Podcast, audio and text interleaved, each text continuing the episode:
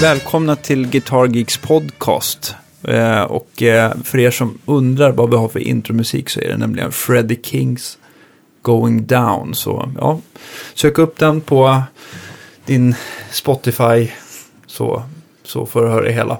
Den är grymt bra. Eh, välkommen hit Andreas Rydman och jag som pratar är Daniel Cordelius och dagens gäst är Jonas Isaksson. Välkommen hit. Hej, tack. Ja.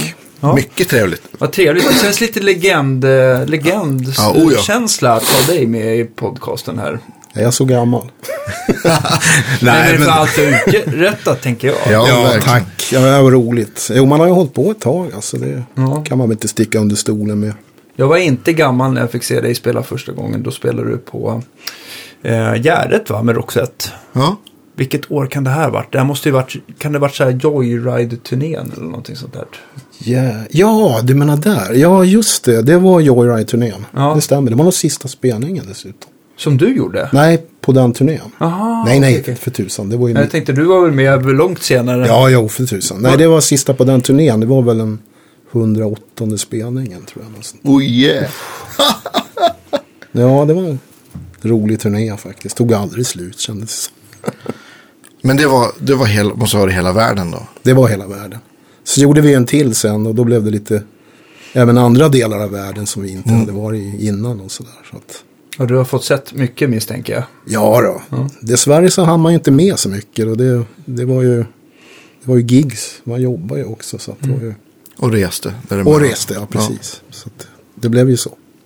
När började du med Roxette? 86, 86. Och det varade till 2010. 2010. Det är länge. Ja, det blev, det var ju några år avbrutet där när Marie var sjuk också. Just så att, Men eh, 2010 gjorde jag sista spelningen. Det var kronprinsessans bröllopskonsert där. Mm. Så, eh, men de fortsatte ju sen, några år till. Och det var ju en bragd av Marie att orka med det helt enkelt. Ja, hon har, du sa att hon hade lidit av en eh, tumör va? Hon fick en hjärntumör, ja, Ja. precis. Ja, det är ju verkligen en bragd. Hur orkar man det tänker jag? Ja, vi gjorde ju den där turnén som Night of the Proms där vi turnerade med symfoniorkester ute i Europa då. Och det var väl en liten test. Det var 2009. Mm. Och det var väl en liten test för att se om Marie orkade. Och det, det gjorde hon. Mm. Hon fick ju sitta ner och sjunga och sådär. Och...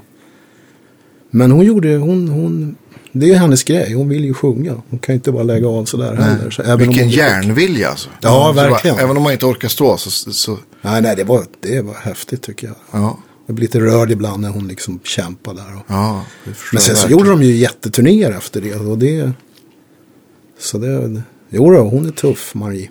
Det är hon. Men började det med att du spelade på, på deras första platta då, eller? Ja, eh, första singeln som de gjorde, det var ju, eh, mm, vad fan heter den nu? Neverending Love. Just det. Och då var det Mats Persson, MP från Gyllene Tider som spelade gitarr. Och, men de ska göra en platta sen då, då var det Clarence Överman som producerade. Och då ville Clarence ha med mig på gitarr. Mm. Så att eh, jag, jag var med på första plattan, från första plattan. Ja. Visst. Ha- ha- Hade Clarence eh, samarbetat med dig eh, många gånger tidigare? Eller var... Ja, vi hade gjort Py Bäckman, en, två turnéer, en, en platta och Johan Lindell. Och Clarence spelade med mig i Ratata och Hans and the Wolf United också. Så att vi hade jobbat ihop rätt mycket faktiskt. Jag förstår. Ja, men, och då kan jag tänka mig att i och med att du... Det har jag alltid tyckt att du har varit, din gitarr har varit en så stor del av Roxettes liksom, sound. Men du, många av de här klassiska hookarna är ju, ja, men som jag har förstått, det är det du som har uppfunnit. Till exempel The Look är ju liksom Jo, kanske ja. den mest klassiska. Ja, ja det, jo, det- vi jobbar lite så att vi... På första plattan var det väl lite mer letande sådär. Vi, vi hittade väl... eh, Det gjorde vi ju live med bas och trummor direkt också. Ja, just det. Men från Luke Sharp-plattan, den andra, då började vi nog eh, experimentera lite mer och börja bygga upp låtarna från maskiner. Och, och då fick gitarren en stor roll av någon anledning. Jag vet inte vad det var, jag tog väl för mig kanske. Du hade bra idéer tror jag. Ja, och sen så var ju Gessle på dubba den i oktav och så blev det en jävla massa gitarrer. Alltså. Ja. Men eh, ja, det, det blev en del av soundet helt enkelt. Och då fick man ju bidra med riff och, och ja, och riff och fills och grejer. Så att det, det, visst, så var det. Men du, dubba i oktaver, dubbade du ackord och grejer också? Eller var det? Ibland gjorde jag det, la jag på liksom en ljus oktav på ackord på topp och sådär. Okej. Men, men mest var det ju riffen som man gjorde då i, i ibland sex på samma riff. Oh yeah. Två oktaver och eh, ja, det blev så faktiskt. Look tror jag är fyra. Det vet säkert någon bättre än Ja. mig. Är det, är The Look, är det, är det spelat i oktaver eller? Ja, det är oktav. Det är oktav. Det är, eh, jag måste tänka alltså. Det var därför jag sa att jag skulle vilja veta vad jag skulle fråga. Eh, jo, det är, det är fyra, det är oktaver. Ja. Dubbat och så är det panorerat. Ja, just det. vänster. Ja, det och låter ju- en i mitten, det är fem gitarrer. Det låter ju vansinnigt stort. Det låter ju, man, jag Ja, spel, stort och snärtigt. Vi försökte, inte ens att det skulle bli hårdrock sound, utan mer att det skulle bli ett popljud. Alltså. det, kommer du ihåg om det är Vox? Eller, eller var jag, det, jag tror att det är Marshall. Det är alltså. Marshall. Jag hade en Larry V då. Okej, för det låter väl, det låter lite så här, i min bok låter det lite så här Voxigt. Ja, Eller så, eller det, ja, är det som, det jag tror det finns en artikel. Det var Anders Erlin och Alar Surna var tekniker på den inspelningen. Jag tror... Ja, det kanske var en, en Fender-stärkare och en Marshall-låda. För jag, jag Ja, kommer okej. ihåg att det var en Marshall 412 Som stående mycket- i studion ja, det. i alla fall. Det, Ja. det minns jag. Vi- Vilken, vilken studio var det? Det var i EMI-studion i Skärmarbrink. Ja, just det. Just det. Så när det fortfarande var i- enbart EMI. Det var, Ja, precis. Visst. Det, det finns ju kvar, men det är nästan det är mindre bås det mesta. Eller har, finns det? Ja, de har gjort ena, ena väggen har de byggt. 34 eller fem bås i två våningar. Så Precis. Det, att det, det- det måste ju... Det måste ju varit absolut en av Stockholms största studios då. Ja, det var det. Den och Atlantis var väl de två största. Och Polar fanns ju faktiskt då på den tiden också. Men, men EMI, EMI var större. Det var den. Absolut. Jag började tänka på Soundtrade, men det kanske var efter va?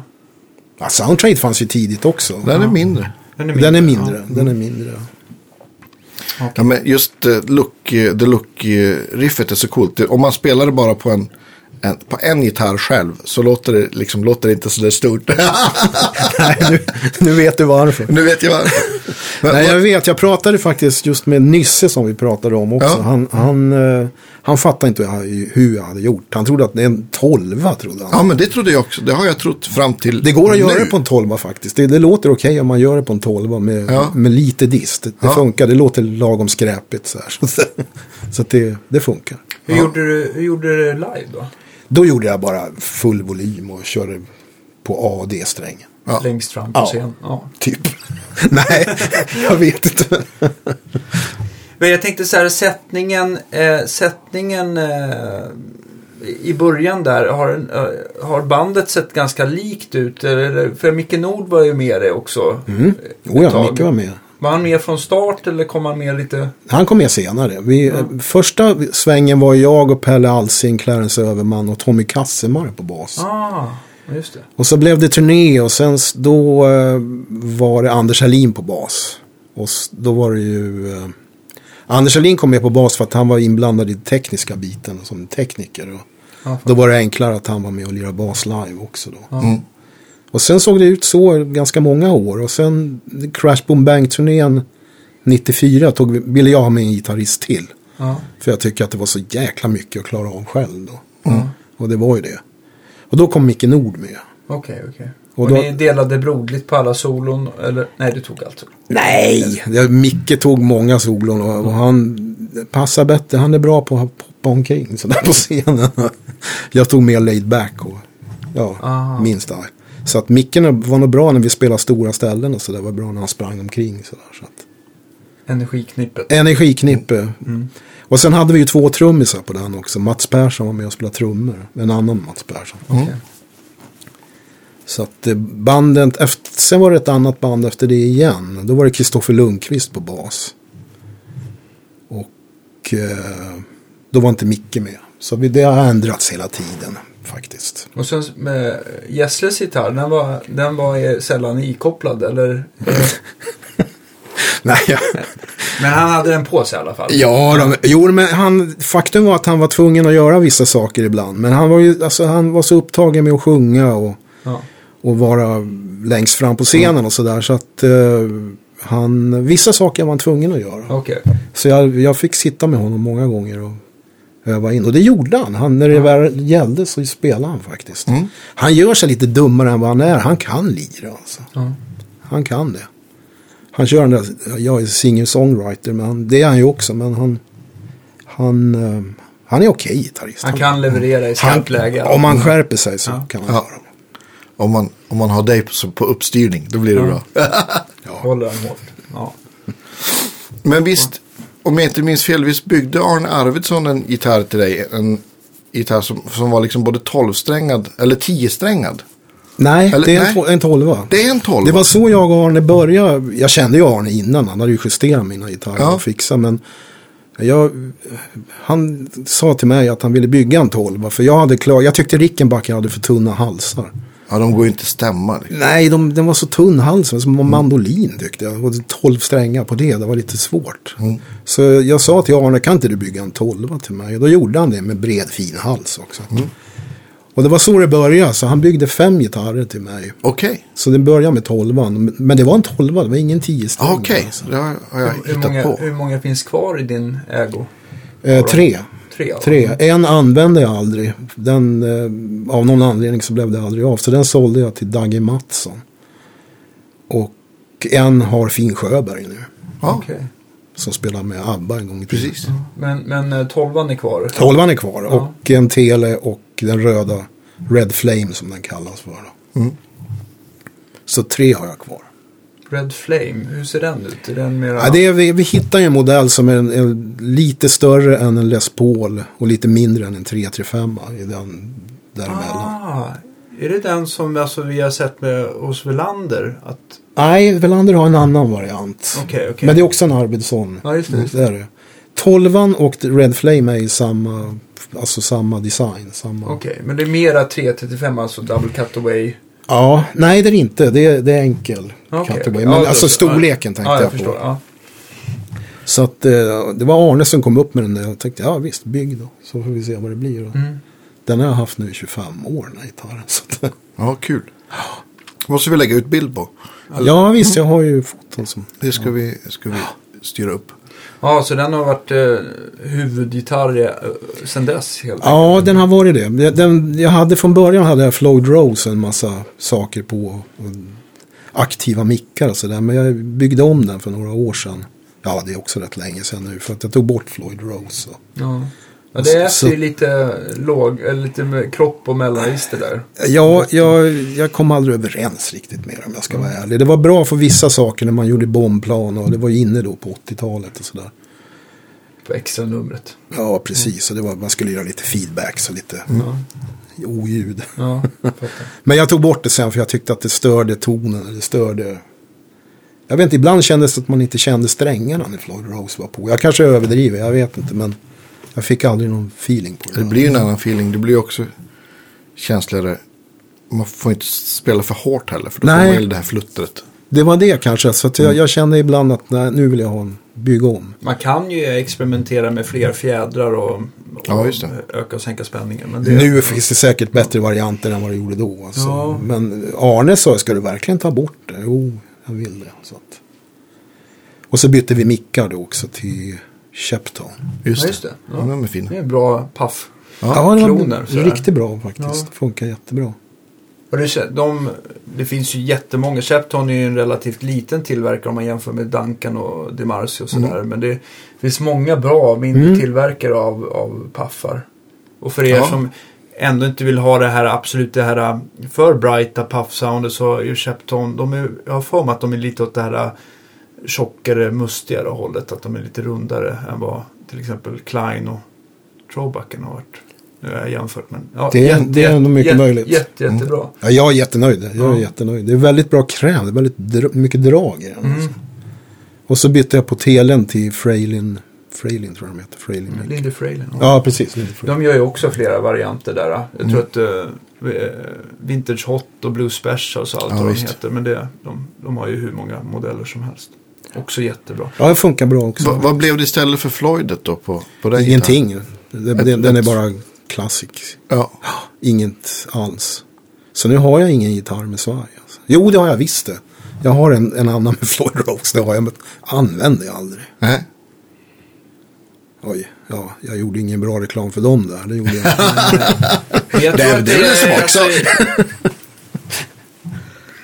jag tänker också... Jag tänker också att Floyd Rose, det har ju verkligen sina, sina anhängare ändå. Sådär. ja, visst. Oh, jag, Ja. Nej, jag sågar det verkligen inte. Det är bara att det passar inte mig. Nej, men, ah, ska man använda svaj mycket om man vill att det ska hålla stämningen, då är det ju, Då är det, ja, är det ju väldigt, väldigt bra. Ja, visst. det är ju Absolut, fortfarande, även om man justerar in en, en gitarr med kanske ett Wilkinson-svaj och grafitsadel och låsbara stämskruvar så, så hur man än vrider och vänder på det så är ju Floydet oftast överlägset i alla fall på att hålla stämningen vid våldsam hantering. Absolut. Det, Vid det, våldsam hantering, det var roligt.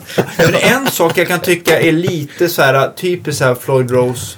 Som jag tycker är lite skumt när just man har låset vid översadeln. Det är ju att liksom strängen glider ju inte över översadeln så att strängarna blir väldigt hårda så här om man ska göra vibraton och bändningar vid det, var första det, jag, banden. det var det jag tyckte. Ja. Precis Det det jag lite tyckte. så här konstigt stift liksom. Ja, det, ja, det är sant. Jo då, det var precis. Man kände inte strängarna helt enkelt. Ja, de, de första Floyd Rosen, de, de hade väl inte ens de här fine-tunersna om man tittar på, jag som är Van Halen-freak också. Ja, nej, men så är det. Ja, Så det- de hade väl liksom bara lås, låsmekanismen, inte själva liksom, fine-tuning. Sen fanns det väl, vad heter de? Schaller? Ja, just det. Ja, Schaller gjorde en variant sen. Jag vill minnas att de funkade minst lika bra men att de hade lite mörkare klang. Alltså de Aha, var en okej. liten annan Ja. klang. Sen så kom ju Ibanez kom ju ganska tidigt på 80, eller slutet av 80-talet med det här Edge-svajet som Just. satt på alla sådana här Jem och... och Gem och RG. RG-modeller och sånt där. Då är, ja, S och ja. det ja fanns jag hade en. Ibanez också ett tag Ja. faktiskt. För de har ju också funkat jättebra deras svaj. Och Mm. jag tycker nästan att om man tittar på Floyd Rose original så har det ju inte liksom, det har inte hänt så här överdrivet mycket. De har ju kommit med något så här pro-variant med lite lägre profil. Men annars är det ju nästan Ibanez som har stått för utvecklingen av, av det där, den Ja, typen precis. av svaj. Att liksom, jag vet inte. Ja. Mm. Goto gör för övrigt en väldigt bra eh, modell som, som eh, återfinns på eh, vad heter det, oftast på de här Music Man, Van Halen-gitarrerna och de där. De är ju... ja, men just en, jag har ju extremt bra metall. en så sån det- hade jag, en röd sån hade jag. En av de där gitarrerna som jag ångrar att jag sålde. Som, eh, men, och där låg ju stallet mot, mot kroppen. Ja, men Okej. då, får, då fick du lite, då fick du lite kropp i, i ljudet igen. Exakt. Så det tyckte jag var, om man, om man, det tyckte jag gav mycket bättre ton än, än om har ett, ett helt flytande Floyd. Ja. Liksom. Och sen så, så kunde du bomba på extra numret. alla Ja, absolut. det gjorde jag. ja, vi spårar, spårar ur här. Ja. Nej, men det var Ja. Van Halen där. Det var ju, alltså jag fattar inte riktigt vad som hände då när den första plattan kom där. Alltså, jag, det var ju det där med hur, hur gör man med svajen egentligen? För det funkar ju. Jag visste inte, jag kände inte till Floyd Var det Rose. just Nej. Eruption första gången? som- Ja, det var Eruption som jag tänkte på. Just. Det- Tid, tiden står stilla. Ja. Ja. Nej, men jag, jag frös ju på hela bandet också. Jag tyckte Running with the Devil, bara det liksom. Vad är det här liksom? Ja. Bästa sen Deep Purple tyckte jag liksom. Det, det måste ju ha varit lite så här, har han, är det trickinspelat? Ja, det var då lite man så. Eruption. Jag fattar inte heller riktigt alltså. Men, men sen så. Sen forskar man ju det där och kom fram till att Steve Hackett i Genesis höll ju på med samma hammering-teknik långt innan. Ja. Jag tror det fanns innan honom också förmodligen. Billy Gibbons har, Billy Gibbons. har gjort det också. Ja, det finns visst. säkert fler också, men Eddie kan man väl lugnt säga gjorde det populärt. Ja, det, det gjorde han faktiskt. Han, eh, jo, då, nej, jag är Eddie-fan också. Det är. Faktum är att första plattan så hade han inte, då de spelade in den hade han inte, inte Floyd. Jaså? Men däremot så hade han ja, men en välslipad översadel. Sen, skruvad, sen körde han strängarna alltså uppåt för att få så lite vinkel som möjligt mot på, på Ja, just det, just det. Alltså du tänker att man sträng, alltså när en vanlig, när man strängar en gitarr så, så för de kommande varven så går strängen ner mot, Ja, exakt. mot huvudet då, då. Istället för att den går, klättrar uppåt på Ja. stämskruvsaxeln. Eh, axeln. Jag förstår. Så att man, ja precis, med, och lägre vinkel. Till slut så blir det ju eh, dålig ton va. Ja, Eftersom det kan nästan bli lite så här. Men hade han byggt det själv då? Alltså, eller hur? ja, jag tror att han, han hamrade väl och filade på sina gitarrer själv. Förmodligen. Ja, det tror jag. Man kan ju misstänka det med tanke på hur de lite såg ut också. Ja, men precis. Att Det var ju den väldigt, kallades väldigt Frankenstein, otro- hans otroligt, gitarr. Otroligt Ja. stämjärns... eh, Ja, Det var inte någon perfektionist som Nej. fräst i den i alla fall. Men det var lite det som jag gillade. Jag vet inte, han, han, han sa en grej att Varför ska man spela? Vem är, det- vem är det som är gitarrguden som säger hur man ska göra? Man får väl göra som man vill. Så. Ja, jo. Och det var lite sådär, åh wow. Det är skönt med någon som tänker lite annorlunda. Ja. Var han en av de första gitarrhjältarna för dig? Eller hade, Nej. var det som liksom fick dig att börja Nej, nej. spela sådär? Min, min första gitarrhjälte var han som gjorde gitarrsolo på Rock around the clock. Min farsa hade den på stenkaka. Så att... Nej, Scotty nej. Moore? Eller? nej, det var inte Scotty Moore. Jag kommer inte ihåg, han lirade med Bill Haley i Comets. Ja, förlåt. Jag är helt... Och det var, det var inte den gitarristen som spelade med Comets live, utan det var en kille i studion som gjorde solot. Och nu kommer jag inte ihåg vad han hette bara därför. Men det, går man, det kan man googla. ja, exakt. Men det var där jag hörde gitarr som jag diggade första gången. Då var jag bara fem, sex år eller sånt där. Och eh, då tänkte jag, wow, det här kan man nog, vara kul. Och så spelade mina bröder, mina två äldre bröder, var, lirade bas och gitarr i olika band redan då. Så jag kunde följa, vara på rep och sånt där och se vad de höll på med. Men sen så blev det ju, när jag riktigt upptäckte gitarr, det var väl Clapton 66, den där Bluesbreakers-plattan. John Mayles Bluesbreakers. Ja, det är en klassiker. Clapton. Ja, det är en klassiker. Det var väl där man började inse, det här var ju innan Hendrix också. Ja. Så det var då man började inse att wow, det här med elgitarr är ju kul alltså. ja. Och sen kom ju Hendrix och det, sen har det ju no looking back. Ja. Men Vad var första, första elgitarren sådär? som jag hade, Ja. det var en Höfner. Höfner som hade, ja lite strata-modeller. Jag vet inte vad de heter de där Höfner-gitarrerna. Men det var en Höfner. Mycket Ja. knappar, tre mickar. Ja, och så var det galonöverdrag. Ja. Just det.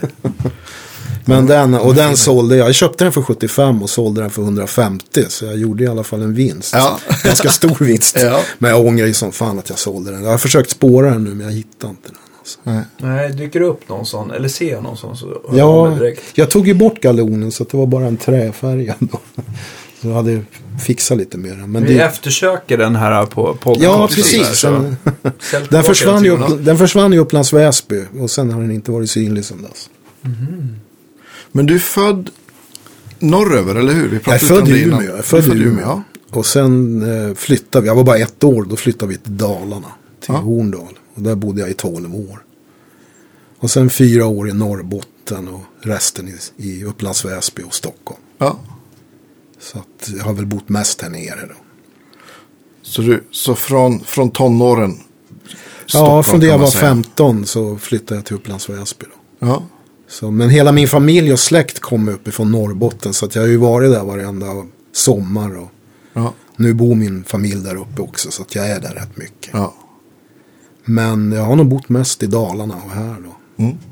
Men ja, man, Väsby är en riktig kittel för, ja då. för, eh, för musiker. hände Ja, mycket där under de åren jag bodde där. Det var ju Norum dök ju upp där och och lirade med ett band som heter WC. Norum var ju liten kille då. Han är väl inte så mycket yngre än mig nu. Men eh, Han har kommit ikapp. han har kommit ikapp. Du har slutat att fylla. Nej men jag var imponerad av honom redan då när han lirade med WC. Och han, eh, det var kul. och Vilket så, namn, WC. Ja, de heter WC. Skitbra. Ja. Och sen var det ju Sussis Orkester och det var Horisont, vårat band, och repa ju där också i Ja. Väsby. Hur, hur började det med Horisont?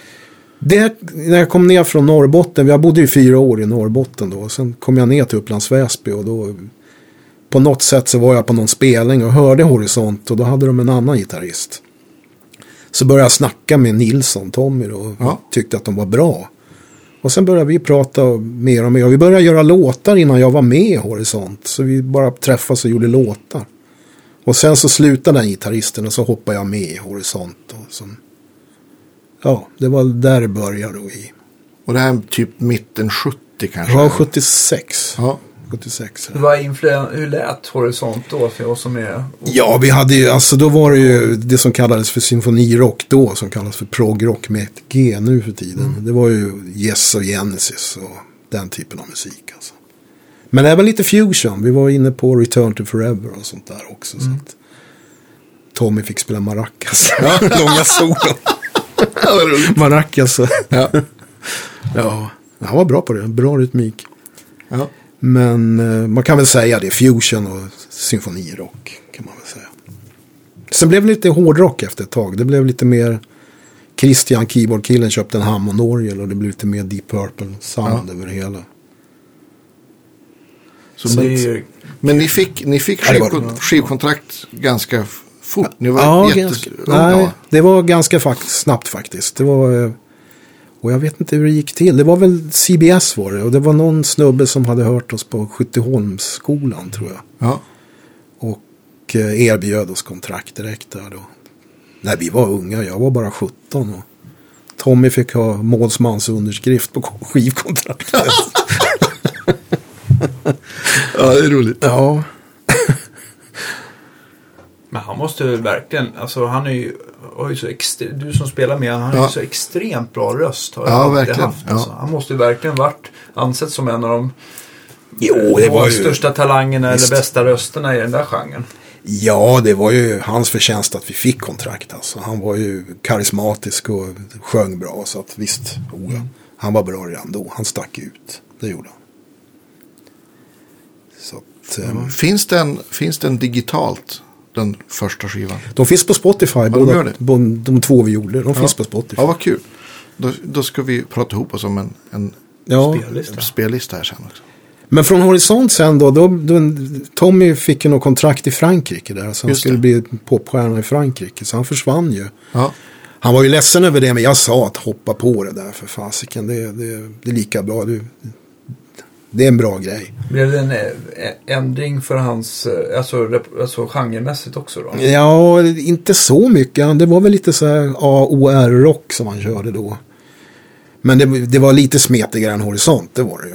Det var det definitivt. Men eh, det var ju ett band å andra sidan och här skulle han göra solopryl då. Så att. Men då sprack ju vi. Då la vi av och spela också. Så att, och då började jag jobba som så kallad studiomusiker som det hette. Och började lira med Eva Dahlgren och sådär. Så att, Var det, var det någon producent du alltid samarbetade med? Eller kunde olika studios och olika... Ja, det började med att jag jobbade mycket med Anders Glenmark eftersom vi gjorde horisontplattorna ute i Glenn Studio i Stocksund. Och då var det ju Glenmark som ägde. Bruno Glenmark som ägde och Anders jag var ju fast anställd i stort sett där. Så att jag började jobba mycket med Anders och de artisterna som var ja, kontrakterade hos Glendisk, det skivbolaget.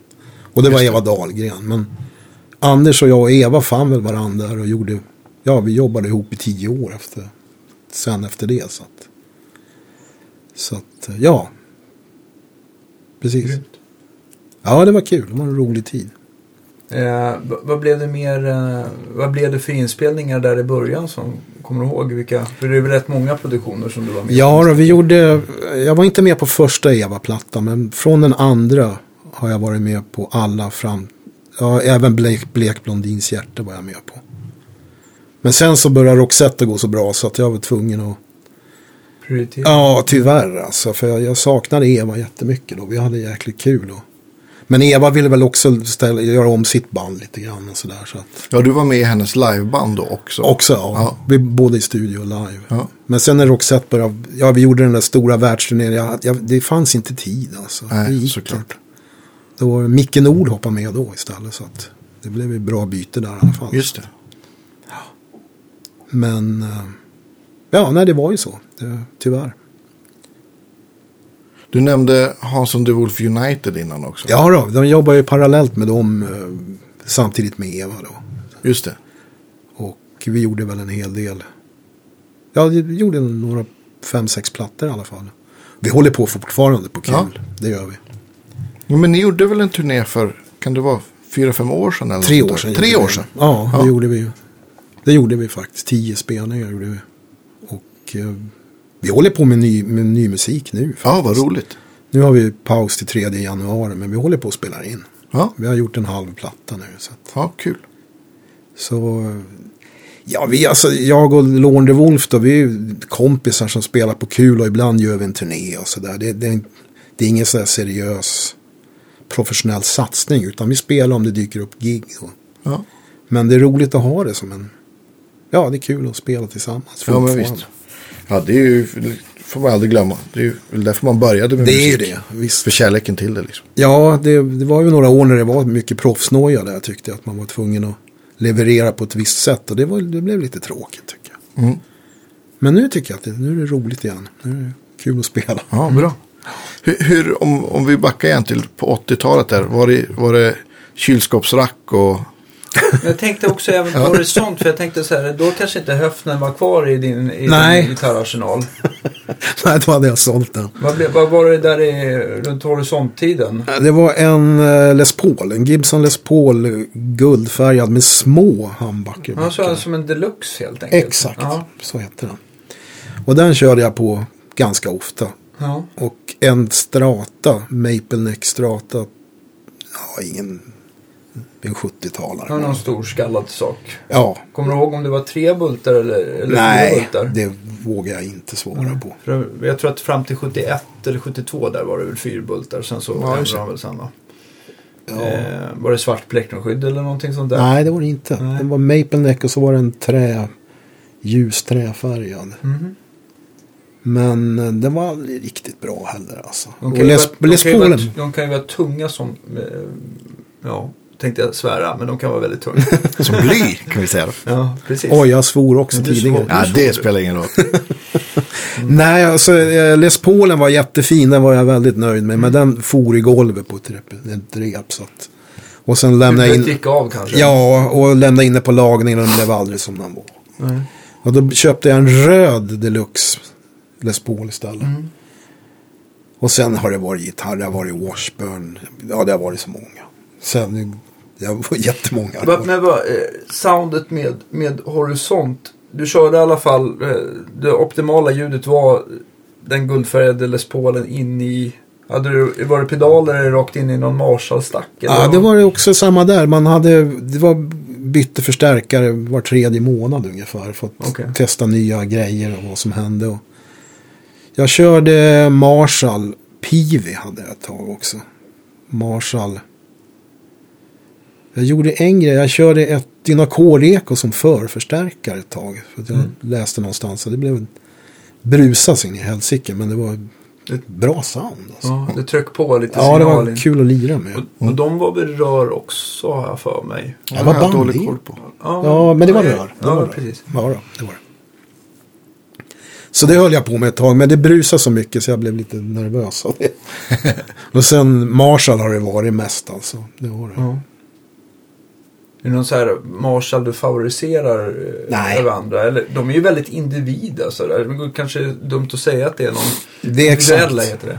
Så att, Nej, det, det, de har låtit bra alla tycker jag. Mm. Faktiskt, det är ingen... det är inte så här, jag måste ha en plexi eller jag, Nej. jag gillar de här JMP, de första mastervolym eller ICM 800. Det finns ju massa modeller man kan gå igenom. De är också bra säkert. Säkert, ja. Coolt. Men, på, på, men blev det, körde du någonsin rack? eh, Jo då, jag byggde upp ett rack. Det gjorde jag faktiskt. Det, var skulle väl- man väl ha om man var liksom studio. Det var lite så, 80-talet, alltså. Man liksom. fick inga jobb annars kanske. Jag, var, jag, var, jag hade ingen koll på det där riktigt alltså. Men då, jag umgicks mycket med Staffan Aster på den tiden. Ja. Och Staffan hade väldigt koll alltså. Så vi, han visade mig vilka saker jag behövde och sådär. Och Så byggde vi upp ett rack. En riktig kylmontör var han kan man säga. Ja, eller han, var inte, han monterade inte utan han bara kom med, med idéer om vad jag tyckte en kompressor och sådär. Ja, just. Men det där racket var ju, jag, jag kom aldrig överens. Jag tror inte Staffan gjorde det till slut heller. Jag tror Nej. han sålde sina. Vi, Tommy Kassemar skämtade alltid med Staffan att han behöver ingen julgran när du har Staffan Asners rack. Blinkar hela tiden. Ja, Blinka överallt. Vad roligt. Ja, nej men, det, nej men du har rätt, det var ju så då på 80-talet. Det skulle vara så. Det, ja, Stark blev man. ja, Ja, men precis. det, jag vet inte var det kommer ifrån, men på, man får inte glömma heller på den tiden så fanns det ju liksom inte, man kunde inte köpa en, en liten pedal som, som gjorde, gjorde kanske några av de där grejerna. Då var man tvungen att köpa liksom en, en rackeffekt. Och hade man då ett, ett Lexicon PCM 70 så gjorde den reverb. Skulle du ha ett delay så var du tvungen att ha en rackeffekt till. Liksom. Ja, det så det är klart att det byggde på liksom. I, I dagsläget så har man ett stort pedalbord så har man ju minst lika mycket grejer Precis, så i dagsläget. Jo. belysning och någon harmonizer och ja, det är bara Strömförsörjare och Brusreducering. kompressor. Ja, just det. DBX. Eller bara, Ja, just Ja, det. DBX. det stämmer. De hade väl kompressorer också? Var det många som ville ha de där Jo. 163 eller vad de heter? Ja. 160A. Jag kommer, ja. Jag tror att det var en 100 sån som satt i mitt. Ja. ja, just det. Ja, men det är en klassiker. Ja. Ja, jag har bilder på det där men jag kommer inte, ja, ja. jag minns inte riktigt. Nej men sen så blev det väl enklare och enklare. Det blev mer och mer eftersom Roxette spelar på så stora scener så ville man ha ett mer kraftigt gitarrljud. Så då, eh, då var det en Boss M10 som jag körde på bara. Ja. Multi-effekt. Och sen eh, var det Marshall igen. En turné hade jag Vox-förstärkare och Marshall-lådor. Det har jag något minne av att jag läste i någon så här, Ja. någon MM. Jo men det stämmer. Att du, det hade, att du körde Vox. Jag körde Vox då faktiskt. För att eh, då var Micke med och Micke körde Marshall och han hade ljusare ton och jag hade mörkare, mulligare. Ja. Så det stämmer, det var Vox. Jag hade Vox då på Var den. det AC30 då? Ja. ja. Spelade du stereo då? Kommer du ihåg det? Eh, nej, det gjorde jag nog inte. Utan det var nog samma ljud i alla. Mm. Nej, det var inte stereo. Nej. Det var det inte. Var det som, eh, som typ Brian May, att du hade massa extra AC30 då som, som backup ifall, ifall Ja, det var, sönder? alltså vi, vi reste ju så mycket så att vi, då- och så hade vi inte förstärkarna på scenen utan Masse som var min gitarrtekniker då, han tog ut förstärkandelen och byggde in dem i ett rack som han körde med. Okej, då kanske Okej. de gick lite svalare också. Ja, som- det gjorde de. Och så var det enklare för transporterna också. Ja, okej. För de skulle ju runt hela världen. Och så att, Men då måste ni ha haft flera setups. ja, det var det. Jag tänker om man spelar i Australien och man sen ska spela i Sydafrika. Man, det Ja, liksom, det var, jo då, det, Och det, vilken apparat att flytta allt det där. Ja. Ja, man, fan, man fattar inte riktigt vad som hände ibland. Att, men crewet var ju sanslöst bra liksom. Så att det, det lät alltid bra när vi spelade i alla fall. Hur, hur stort var crewet då? Eller Oj. varierar det mycket? Ja, men det var, det var jättestort ett tag. Alltså, det var det. Det var det. Men jag, jag, jag, jag kan inte, jag kommer inte ihåg alltså. Men jag, Hade, hade du, men du hade oftast eh, gitarrtekniker förstår ja, jag? jodå, det hade jag. Vi hade två, tre stycken. Vilka var med dig då? Du Det var Max Lökholm som var min gitarrtekniker. Och sen eh, hade Per Stefan Rubensson, Stiffe. Och Micke hade Falken, Anders Mikkelsen. Precis. Så att eh, tre gitarrtekniker hade vi. Och så hade vi skuggan på, på syntar. Oh, ja, det var mycket folk alltså. Så var det ljuset också. Stort crew var det. Mm. Monitor, Ja, monitor. house. Ja, det, ja, det drar på. Chaufförer måste ju finnas ett... ett Ja, det var ton- många olika transporter och night riders. Och, ja. ni vet. Turnéledare och Ja, då, etc. det var hela. Men, men kör- du körde Vox-förstärkare, men vad körde du för högtalare då? Var det? Det var nog Marshalls eh, 412. 412. Ja, just det. Precis. Och eh, jag gjorde, aldrig, jag gjorde inte en sån där Brian May-grej. Att jag byggde upp bara på, på Vox. Eller Brian May kanske har lådor också. Jag vet inte. Ja, jag, jag tror att nu i alla fall kör han liksom högtalarna i, i stärk. Han gör det alltså. Jag vet inte hur han gjorde förut. Jag såg någon sån här uh, rig rundown för, Ja. som de gjorde för något år sedan. Och den har jag sett. Ja. Jag har sett. Men är inte den att han har typ, nu vet jag inte om hans nytillverkade Voxar håller bättre, men på den gamla goda tiden att han nästan alltid hade med sig en 5-6 stärkare som, som fick åka lite in och ut där under Ja, men det, jag tror att det var likadant nu och de var liksom uppställda så här, bakom Jo. varann. Och, Det stämmer. som jag tycks minnas det. Han, eh, jag hörde dem live på I-stadion 77, kanske 76, 77. Och då hade han, det var nog en 6, 8 Vox Ja. AC30 tror jag han hade faktiskt. Men hörde gitarren i alla fall. Ja. Ja, men, som jag förstår det så innan han, nu har han väl någon signaturvariant, men att de, de tog bort all elektronik som han inte använde. så att det i stort sett bara fanns en volym tror jag. jaha, Ja, att de moddade dem just för att få dem att hålla bättre. ja. Och jag vet inte om Skulle det hålla tre låtar istället för två. Men är det någon som... Eh, De går ju är- väldigt de är- varma gamla De är Vox-förstärkare. på turné nu. Jag kommer inte ihåg vad den nya sångaren heter. Hur bra är det? Adam, Adam Lambert. Adam Lambert. Det är svinbra tycker jag. Ja, det som jag har hört låter Ja. kanon. Alltså det gör det ju. Det är ju... Ja, det låter Queen alltså. Ja. Det gör det. Det är inte något, de åker inte runt och gör cover alltså. De, Nej. Det var väl bara ett par veckor sedan de var här tror jag. Ja. På Tele2. Ja, det stämmer. Ja, jag har sett klipp på YouTube så det, Ja. det, det låter bra. Ja, det låter jättebra. Jag har också Ja. gjort det. Några nyinspelningar också? Nej. Tror inte det. Det vet jag inte. Jag vet inte heller. De Jag har ju en, jag en ing- sjö låtar. Som, Ja, verkligen. Jag har ingen, ingen, ingen koll så på... på, på. Men de verkar ju trivas. De verkar ha kul på scenen. Och... Ja, visst. Spelar Bra. bra fortfarande. Ja, verkligen alltså. det gör de. Och är han sångaren lik Freddie, eh, Freddie Mercury? Eller, eller är det en Spelar väl, touch? spelar väl på samma stuk. Så det, är väl Queen-stuket så att säga. Ja. Så han... Jo, han liknar väl honom. Men han gör väl ingen cover på Freddie Mercury Nej. heller. Han kör sin grej.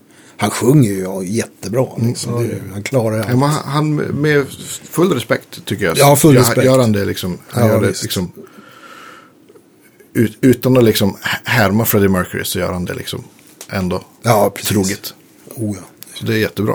Hur bra var det 1977? Det giget och så. det, var, det var häftigt alltså. Det, vi, det var jag och Nilsson, Tommy Nilsson Ja. som var där. Vi satt rätt långt fram på isstadion där också. Så att, på den tiden satt man ju, det var ju liksom stolar så här. Det Ja. stod inte. Men eh, det var jättehäftigt. De hade gjort Day at the Races då. Precis, hade precis kommit.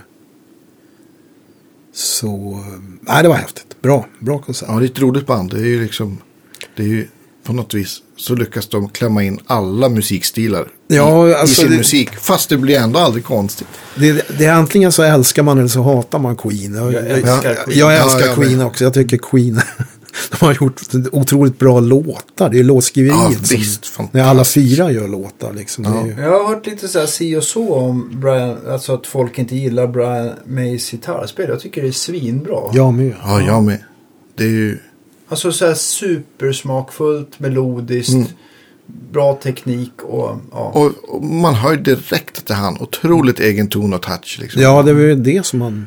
Mm. Jag var ju impad av hur han orkestrerade grejerna på gamla plattor. Ja. Hur han gjorde gitarrorkester utav allting. Det var ju fantastiska grejer.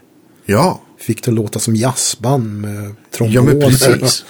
Jag var jätteimpad av det. När man var i den åldern så ville man ju bara suga in allt sånt. Liksom. Ja, men, och, och, och hans sätt också att använda effekter och, och, och, få gitarren att låta liksom, ja, men annorlunda. Det, det, det var han liksom väldigt tidig med. Och Ja. f- få det att låta ja, men, lite så här inom så här, situationstecken syntigt. Ja, men, eller, du vet, så här, eller så här, med, med filter och, och, och flangers och ekon och allt vad han nu hade. Liksom. Men Absolut. det Ja, vet jag oh, ja. ingen som liksom, gjorde. Nej men han var väl den första riktiga här metal-snubben som, som körde med det anslaget och den tekniken med väldigt nedåt. Ja, just det. Hackande grejer på tidiga plattorna. Mm. Då hade man inte riktigt hört det på, på det sättet innan tycker jag. May är ju... Ja, May är lite underskattad tycker jag. Han, Mm. Det är han väl inte heller. inte, inte, inte i det här rummet i alla fall. Nej, det är han inte. Nej, jag har stor respekt för honom Ja, faktiskt. Det har jag. Vad lyssnar du på i, i dagsläget? Har du något? Oj, allt som är bra. Nu, Ja, allt som är bra. Allt som är Ja, bra. Men det, det det, går, alltså det är mycket så här låtar för mig. Alltså det, det, det är inte alltid artister. Utan det, hör man en låt eller så hör man en basgång. Eller man, man suger i allt som är bra. Är det något nytt som har kommit eh, senare tid som du... Ja, nytt Upptäckt. och nytt. Men jag, Gillian Welch är väl inte nytt direkt. Men jag, Jag lyssnar, jag lyssnar väldigt mycket på det. Mm. Dave Rollings tycker jag mycket om. Och, men sen är det också att man går tillbaka till gamla plattor och hör med ett annat öra nu. Att lite, vad gjorde de egentligen? Så att det, det, jag lyssnar på mycket olika saker. Väldigt mycket. Jag tänkte på också efter... Eh, eh, vad hände så här mot eh, 2000-talet då? Med, när det inte bara var Roxette hela tiden. Vad hann, hann du göra emellan där? Ja, då blev det ju, alltså efter Maries, när Marie blev sjuk där, 2002. Ja, gjorde jag en turné just med Tommy Nilsson faktiskt. Mm. Så jag var ute och spelade med honom då. Och eh, sen efter det så gick vi in i studio med Hansson Dolphin United och gjorde två skivor. Och, Mm. och eh, gjorde inte så mycket faktiskt. Lite, nej, jag gjorde inte så mycket. Det var lite studiojobb och lite sådär. Det var, Mm. Men eh, lugnt. Det är en sån klassiker om man, om man har gjort något. Jag tänker om du har liksom om man spelar gitarr med Roxette och spelar på alla plattor. Som, ja, men, och då var ju det verkligen ett av världens största popakter, får man väl säga. Liksom. Jo, det var det. Så, så om man blir väldigt förknippat med någonting så tänker folk så här att ja, men, ja, men Isaksson, han, han gör ju Roxette så vi, vi ringer till någon Ja, annan istället. så var det faktiskt under den tiden Roxette var stora. Så var det, då var det inte många som ringde heller. Alltså det var, det, det, det, han är upptagen tänkte de sådär. Mm. Men jag, alltså jag var nog, jag var nog rätt dålig på att vara en studiogitarrist också. Det var ju så mycket olika typer av musik man, man lirade på den, de åren jag jobbade som studiogitarrist. Det var liksom Kikki Danielsson ena dagen och det, det var så mycket. Jag kunde aldrig göra det där riktigt fullt ut. Alltså. Jag gjorde jobbet så gott jag kunde men, men jag var aldrig så kallad studiomusiker. Jag ville nog lira med band alltså. Ja. Och Roxette var väl lite då, vi var ju ett band, även om det var Pers låtar och sådär. Men vi var ju en grupp, ja, kompisar som spelade tillsammans. Så det var ju, så jag, det blev nog också att jag tackade nej alltså.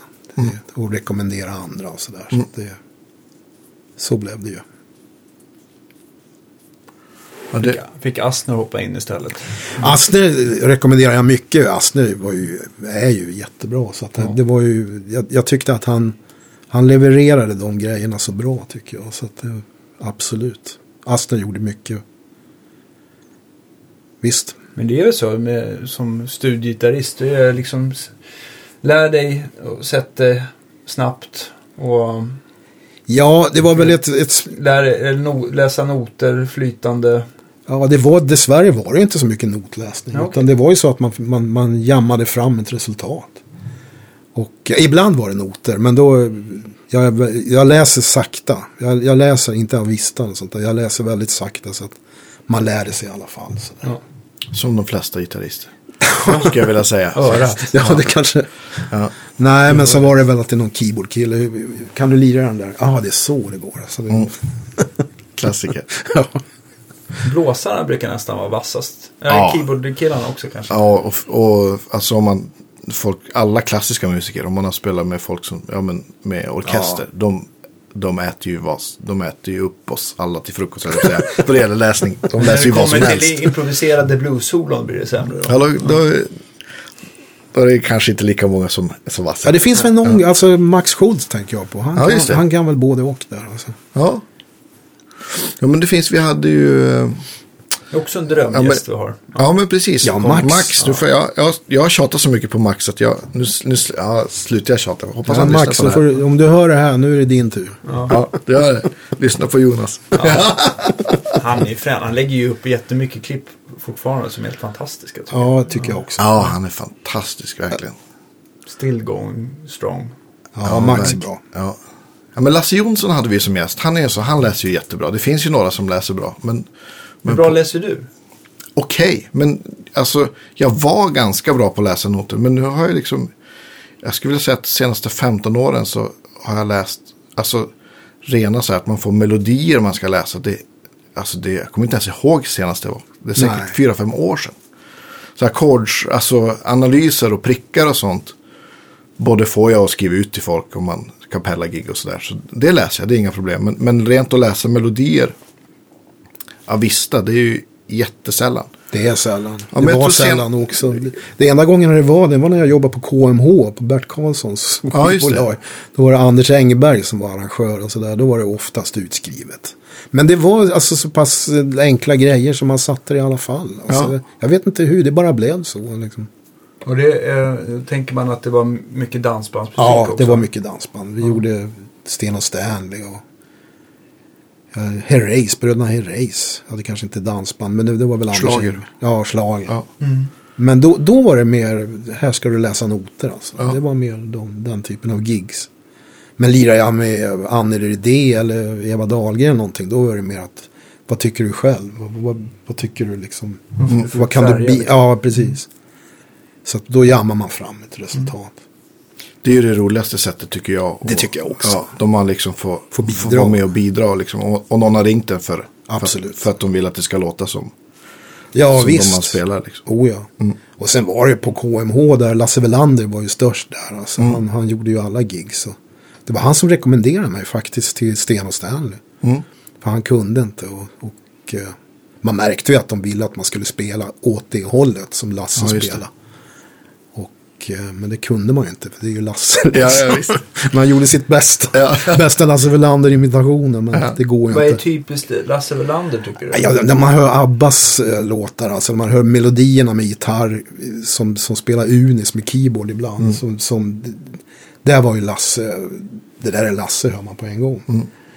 Och sen hans eh, blues-solo när han lirar med low budget bluesband. För han har ju en, en ganska lång ton. Han, han, han är ju inte så staccato Lasse. Nej. utan han spelar långt, fint. Fina anslag, fina toner. Och, jag hör direkt när det är Lasse som spelar. Alltså. Det, det gör jag. Han, eh, bra gitarrist. Ja, väldigt bra. Ja, Du har gjort i alla fall en soloplatta vet jag också. ja, ja jag har gjort den. Det, jo, precis, det var jag. När, när, när var det? 2001. Ja, Så att det är ju...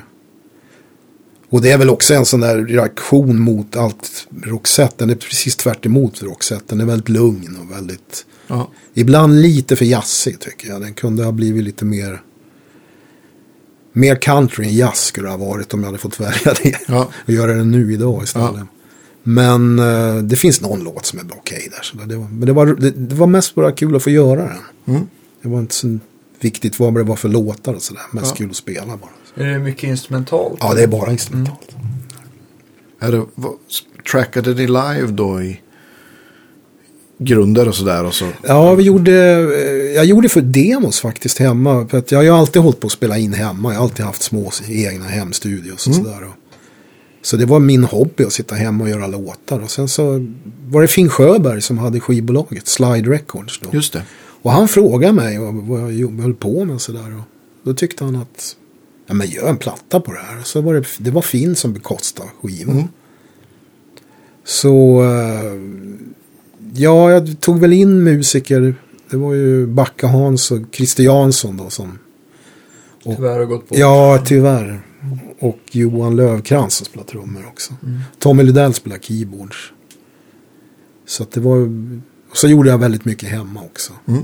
För att jag, jag gjorde atmosfärljud med syntar och gitarrer som var som en sorts am- ambient bakgrund i det hela. Det höll jag på mycket hemma. Det tog, det var, tog för lång tid att göra i studio. Ja, så jag, så jag, jag var både hemma och i Atlantis-studion. Mm. Vad har du för, för, för hemmasätt? Ja, nu har jag, det, det är Logic-program bara. Det Ja. som har hängt med i många år nu. Så Mm. Kör du mjukvara till gitarren då? Eller har ja, du... nej, jag har en liten förstärkare men den använder jag sällan. Utan jag kör, det är Line 6 som jag har kört faktiskt. En sån podd... eh, Ja, den gamla podden och så har jag en ny variant också. Men den, gamla är den, den, den är så enkel tycker jag. Mm. Och sen jag hittar mina ljud och det, det låter okej tycker jag. På min soloplatta så gjorde jag både, det är både podd och vad heter den? GP100 tror jag. Ja, Roland. Ja, Ja, just det. så jag blandade dem. Ja, den, den kommer jag också ihåg från någon sån här MM-intervju Ja. att du hade. ja, jag hade den. den står nu bara där.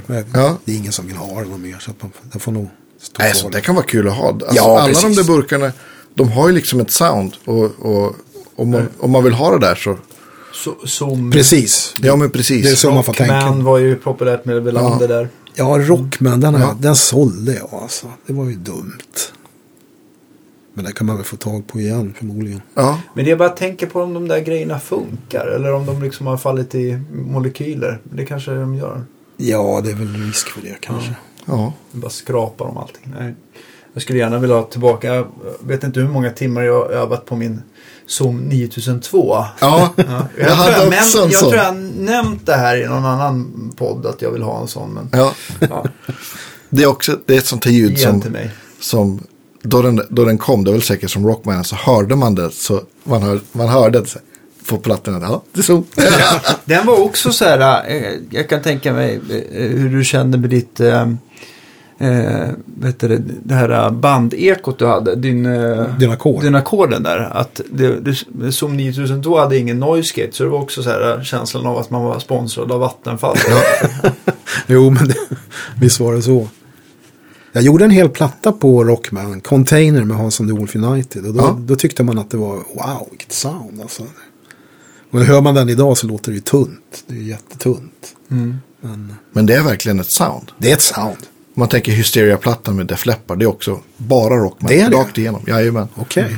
Ja. Så att det, ja, men det, det är roligt att säga.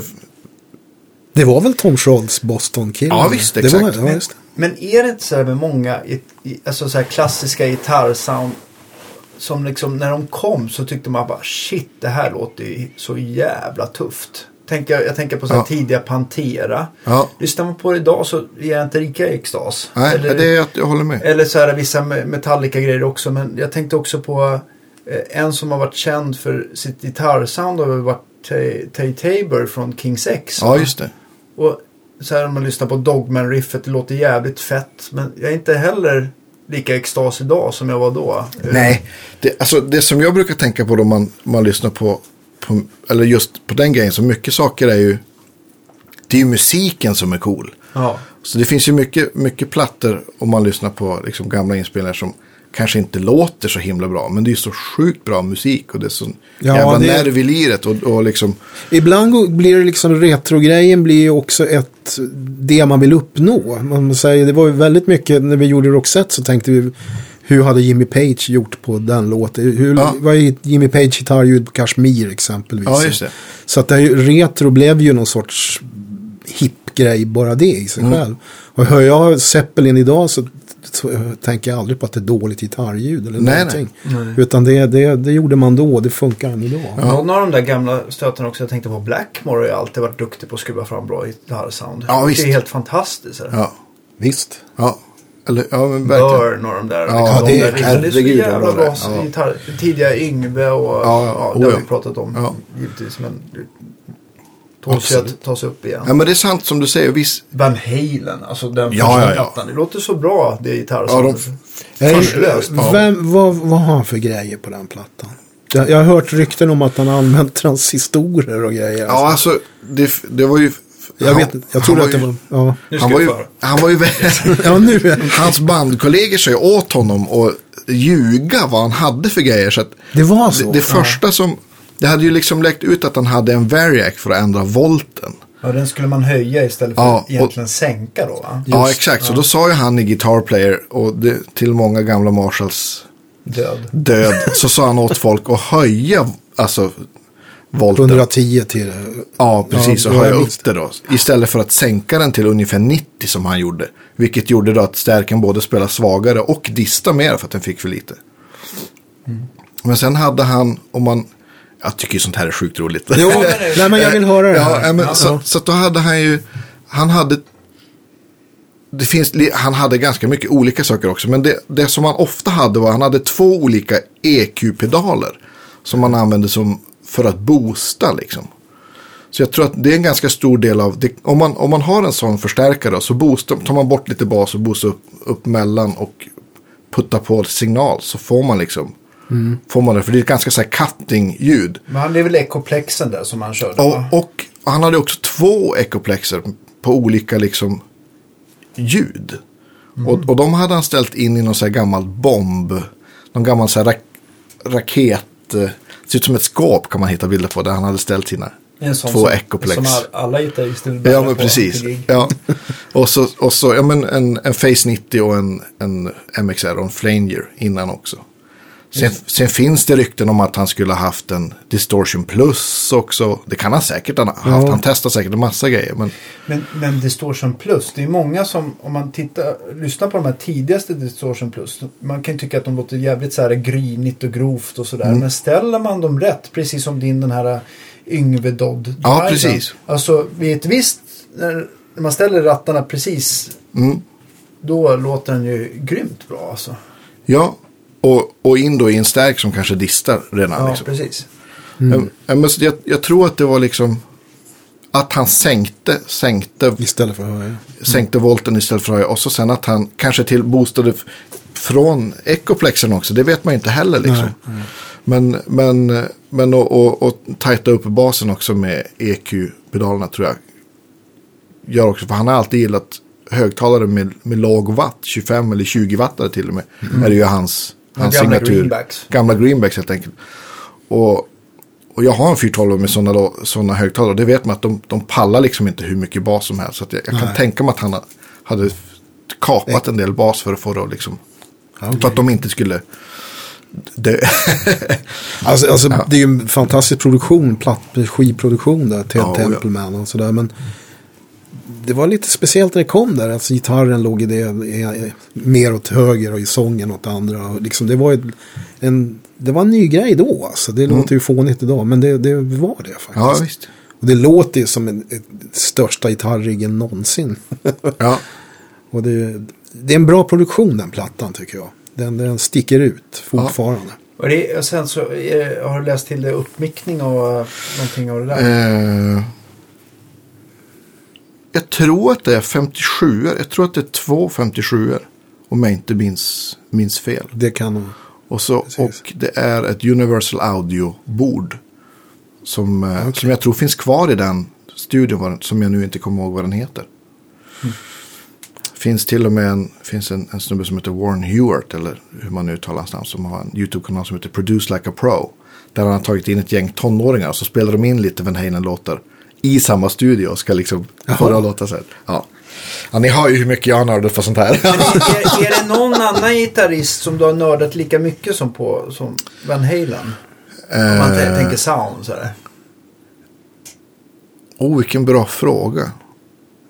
Ja, alltså, jag har, jag har nog egentligen lyssnat mer på Angus, men jag, där finns ju liksom inte så mycket att nörda på i ljud. Det är liksom en SG och hans sändarpack och valfri gammal Marshall på stark Ja, men volym. brorsan hade Gretsch där och det lät också jäkligt bra. Ja, shit vad bra. alltså. Ja, det tycker jag också. Rest in peace får vi säga då. Ja. Tyvärr. Och, och just att det inte är så jäkla mycket överstyrning utan det är mycket, mycket får man väl kalla det för sträng ändå. Mm, och precis. Tjocka strängar så Ja. han väl genom, Förmodligen. Ja. ja. Jag har för mig att det är så här 012 eller 013. men det är ju hårt anslag och så är det ju Ja. klockrena ackord, öppna, öppna ackord. Liksom. Ja, visst. På tal om orkestrering, det är ju fantastiskt. Om man, Ja. Där kan man ju också lyssna på en, en bror i varje öra. Om man har hörlurar så kan man Exakt. verkligen lyssna på vad de gör och hur det, liksom, hur det kompletterar varandra. Både, Ja, ibland är de så tajta också. De Ja. har ju exakt samma timing. Malcolm gillade ju att stå med vänsterbenet mot trumpodiet för att känna biten också. Så här. Ja, Och, eh, och eh, till det typen av komp så kan man väl inte önska sig en bättre trumslagare. En Phil Rudd. Nej. Ja, shit. Ja, det är ju... Fan vad bra. Det var bra, det är alltså. absolut. Såg du dem någon gång? Nej, jag, jag gjorde inte det. Alltså jag, var, 70, jag var 80. faktiskt på, eller på eh, Råsunda. Ja, Då var det ju Van Halen och Motley Crue och Just det. AC/DC. Precis. Men jag, jag var så trött så jag gick innan AC/DC började. Alltså. ja. Tyvärr, idag ångrar jag ju det. De var ju i hög form då på den tiden. Var det 84? Vilken, vilken, Nej, vilken, 84. vilken line-up. Ja. Monsters of Rock. När var det? 80? Oj! Vad kan det vara? 82, 83, 80, Ja. något sånt var det. Ja, det, då var ju då var ju ACDC i hög form. Eller? De var bra. Jag, Ja. Det var inte Bon Scott i alla fall. Nej, det var ju Brian. Ja, det var det Brian Johnson. Vad kom han med? Det var, måste, Black, Back Black, Black. var väl 80 eller 79 va? 80 kom det. Men Van Halen såg jag då eh, på... Ja, det var, det var kul. Men det var inte så bra som jag trodde det skulle vara. Det var fruktansvärt starkt. Alltså. Det var, Ja. Volymen var max. Det var roligt att vara där. Ja, Det var det. Men jag, jag hade nog velat att de skulle spelat inomhus istället. Någonstans. visst. Det blev lite fel. Och så var det på dagen också. Eller på eftermiddagen. Så det var ljust ute och sådär. Så det var... Men det var kul att ha sett och hört dem i alla fall. Så att, ja. Tyvärr varenda gång jag har hört Van Halen live. Kan tänka mig också den, det ljudtrycket live på en så stor eh, Mm. arena. Ja. Med, när P8 kanske inte var det, det som hade eh, lika låg distorsion som dagens PA. Det måste ju Nej, varit precis. jävligt skärande. Ja, det var det. Det var, det var värst på hans trumsolo. Jaha. okej. Det, var, jag vet inte. Sadist. Ja, det de låter ju som att P1 inte orkade. Nej, det orkar inte. Nej. Det gjorde inte det. Men jag är glad att jag var där. Ja. Vad, vilka härliga sidospår vi har här. Verkligen. Det är Jag underbart. kommer, det, Ja. kommer att tänka mig också på så här. Det måste ju funnits några sådana här eh, magic moments med Roxette också. När det har varit så här extremt bra stämning på publiken. Eller varit extremt stor publik också. Har du någon minne av den största publiken du har uppträtt för? Ja, det var ju eh, Sydamerika och eh, Sydamerika och Sydafrika. Sydamerika gjorde vi Buenos Aires två gig på raken, två utsålda. Det var väl en 30-40 000 seaters tror jag. Shit alltså. Då var det, och de hade betalat biljetter för och sett. Det var inget annat liksom. Nej. Och då gjorde vi två spelningar på två dagar då. Och jag får lite gåshud där. Det är, Ja, nej, det var annorlunda. ja, Men sen så kommer jag ihåg att när vi gjorde i Sydafrika, det är Johannesburg, jag tror det finns en live-video på det också. Det som jag kommer att tänka på det var värmen från publiken när de andas. När man kände liksom att det kom, ja, ja, okej. andedräkt kom från publiken. Man stod på scenen. Var det, det var inomhus då? Eller? Nej, det var, Nej, det var det var utomhus. utomhus, Ja. men det var så mycket folk ändå. Så att man, jag, ja, konstigt minne, men så var det. Ja, vad fränt. Ja, det är ju... Men det var roligt att göra, men, men man tänker inte på när, det, när de tänder upp sen när man ser, oj, är det så mycket folk? Mm. Men annars var det, man ser ju dem där framme. Liksom. Men, Ja, precis. Men, eh, men visst var det roligt. Det är kul att få vara med om det där. Det är Ja. jätteskoj. Alltså. Mm. Men, eh, ja. Är det någon publik världen över som du tycker generellt har varit extra extas på spelningarna? ja, Sydamerika, de är galna där alltså. De är tokiga i Argentina och Brasilien. var helt galna. Men, eh, ja, ibland blir man nästan lite orolig. Det var faktiskt ett dödsfall i Brasilien när vi spelade. Det var en som dog. Klämde ihjäl sig Ja. längst fram typ. Ja. Det var i Brasil tror jag. Huvudstad. huvudstad. Konstig stad. Ja, men det var också en hotfull stämning där. Det var ett gäng som stod framför scenen som inte var... Det var inget kul. Ja, okej. så att det var, visst har man sett så här verkliga grejer. Hur märker Lokal, man det lokala som arrangörens stämning? inhyrda vakter. eller? Ja, det var jag och Micke. Micke var med på den turnén, Micke Nord. När vi, så vi gick fram på en av vingen där. Och så Ja. såg vi de här killarna som stod nedanför med och visade fingret lite sådär. Och jag sa Micke, vi sticker härifrån. Ja. Sluta med att vara tuffa rockstjärnor. Stod och kompa som vanliga hundar. Mot. Men, eh, men annars, ja, det var ju otroligt bra publik annars i Sydamerika. Det var det. Där var de galna. Få grejer uppkastat på scen. Ja, det, allt mest, med Roxette var det mest kramdjur och sånt där. Så Ja, okej. Vi har haft en stage-divare. Ja, det är inte så farligt. Nej, en stage-dive. Och Marie blev jätterädd för vi var inte van med det där. Men jag tyckte det var lite kul. Det kommer en stage-divare. Wow. Ja, roligt. Men visst har du... Eh, jag vet att du har kört också... Jag kom- kommer ihåg gamla... Jag kommer att tänka på att jag var med om ett stage dive själv. Ja. det var ingen som tog emot han Oj. som hoppade på sig. Ja, Nej! ja. Så en mardröms... ja, vi kan ta det någon annan gång. Men, men du har använt mycket eh, MXR-kompressor va? Ja, och Ibanez-kompressor. Ibanez-kompressor, okej. Den har jag kvar fortfarande. En röd sak som heter Ibanez, eh, vad den nu heter. Ja. Den använder jag fortfarande. Den har blivit som en del av anslaget så att säga. Jo, Och den är då först efter gitarren? ja, eller? den ligger först. Finns det något mer på pedalbordet? Nej, inte just nu. nu har jag, de spelningar jag gjort på senare år med Hans and Wolf, Steve Gibbons och det som jag har turnerat med. Det har jag bara haft enkelt. Bara kompressorn och, och en Fender eh, Super DeVille tror jag det. Mm. Eller Rock. Ja, Ja, Hot Rod. DeVille. Hot Rod de DeVille, så heter Svarta. Ja, precis. Och sen finns de också som 212 och 410. Om man... Just, Ja. precis. Så det är, en där har väl, det är de jag har använt. Och då har jag haft enkla grejer bara. Ja, men ofta om man... Eller för min del i alla fall. Om jag, om jag har mycket grejer och så är det för att jag måste göra mycket olika sounds. Men behöver man, Mm. behöver man låta på ett eller två sätt så behöver man ju inte så mycket grejer faktiskt.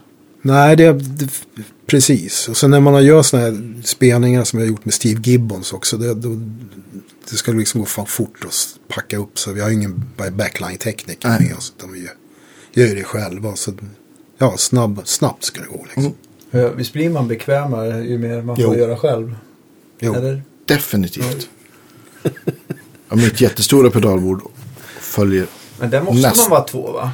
Ja, nej, man kan nog bära det själv, men, men jag, jag orkar Tre tänkte jag säga. Tre, precis. Och ett Men Svenne dieselströmaggregat. brukar ja. alltid skämta om dina grejer. Ja, men precis. Du måste ha en, en, e- egen bil till Rydmans prylar. Ja.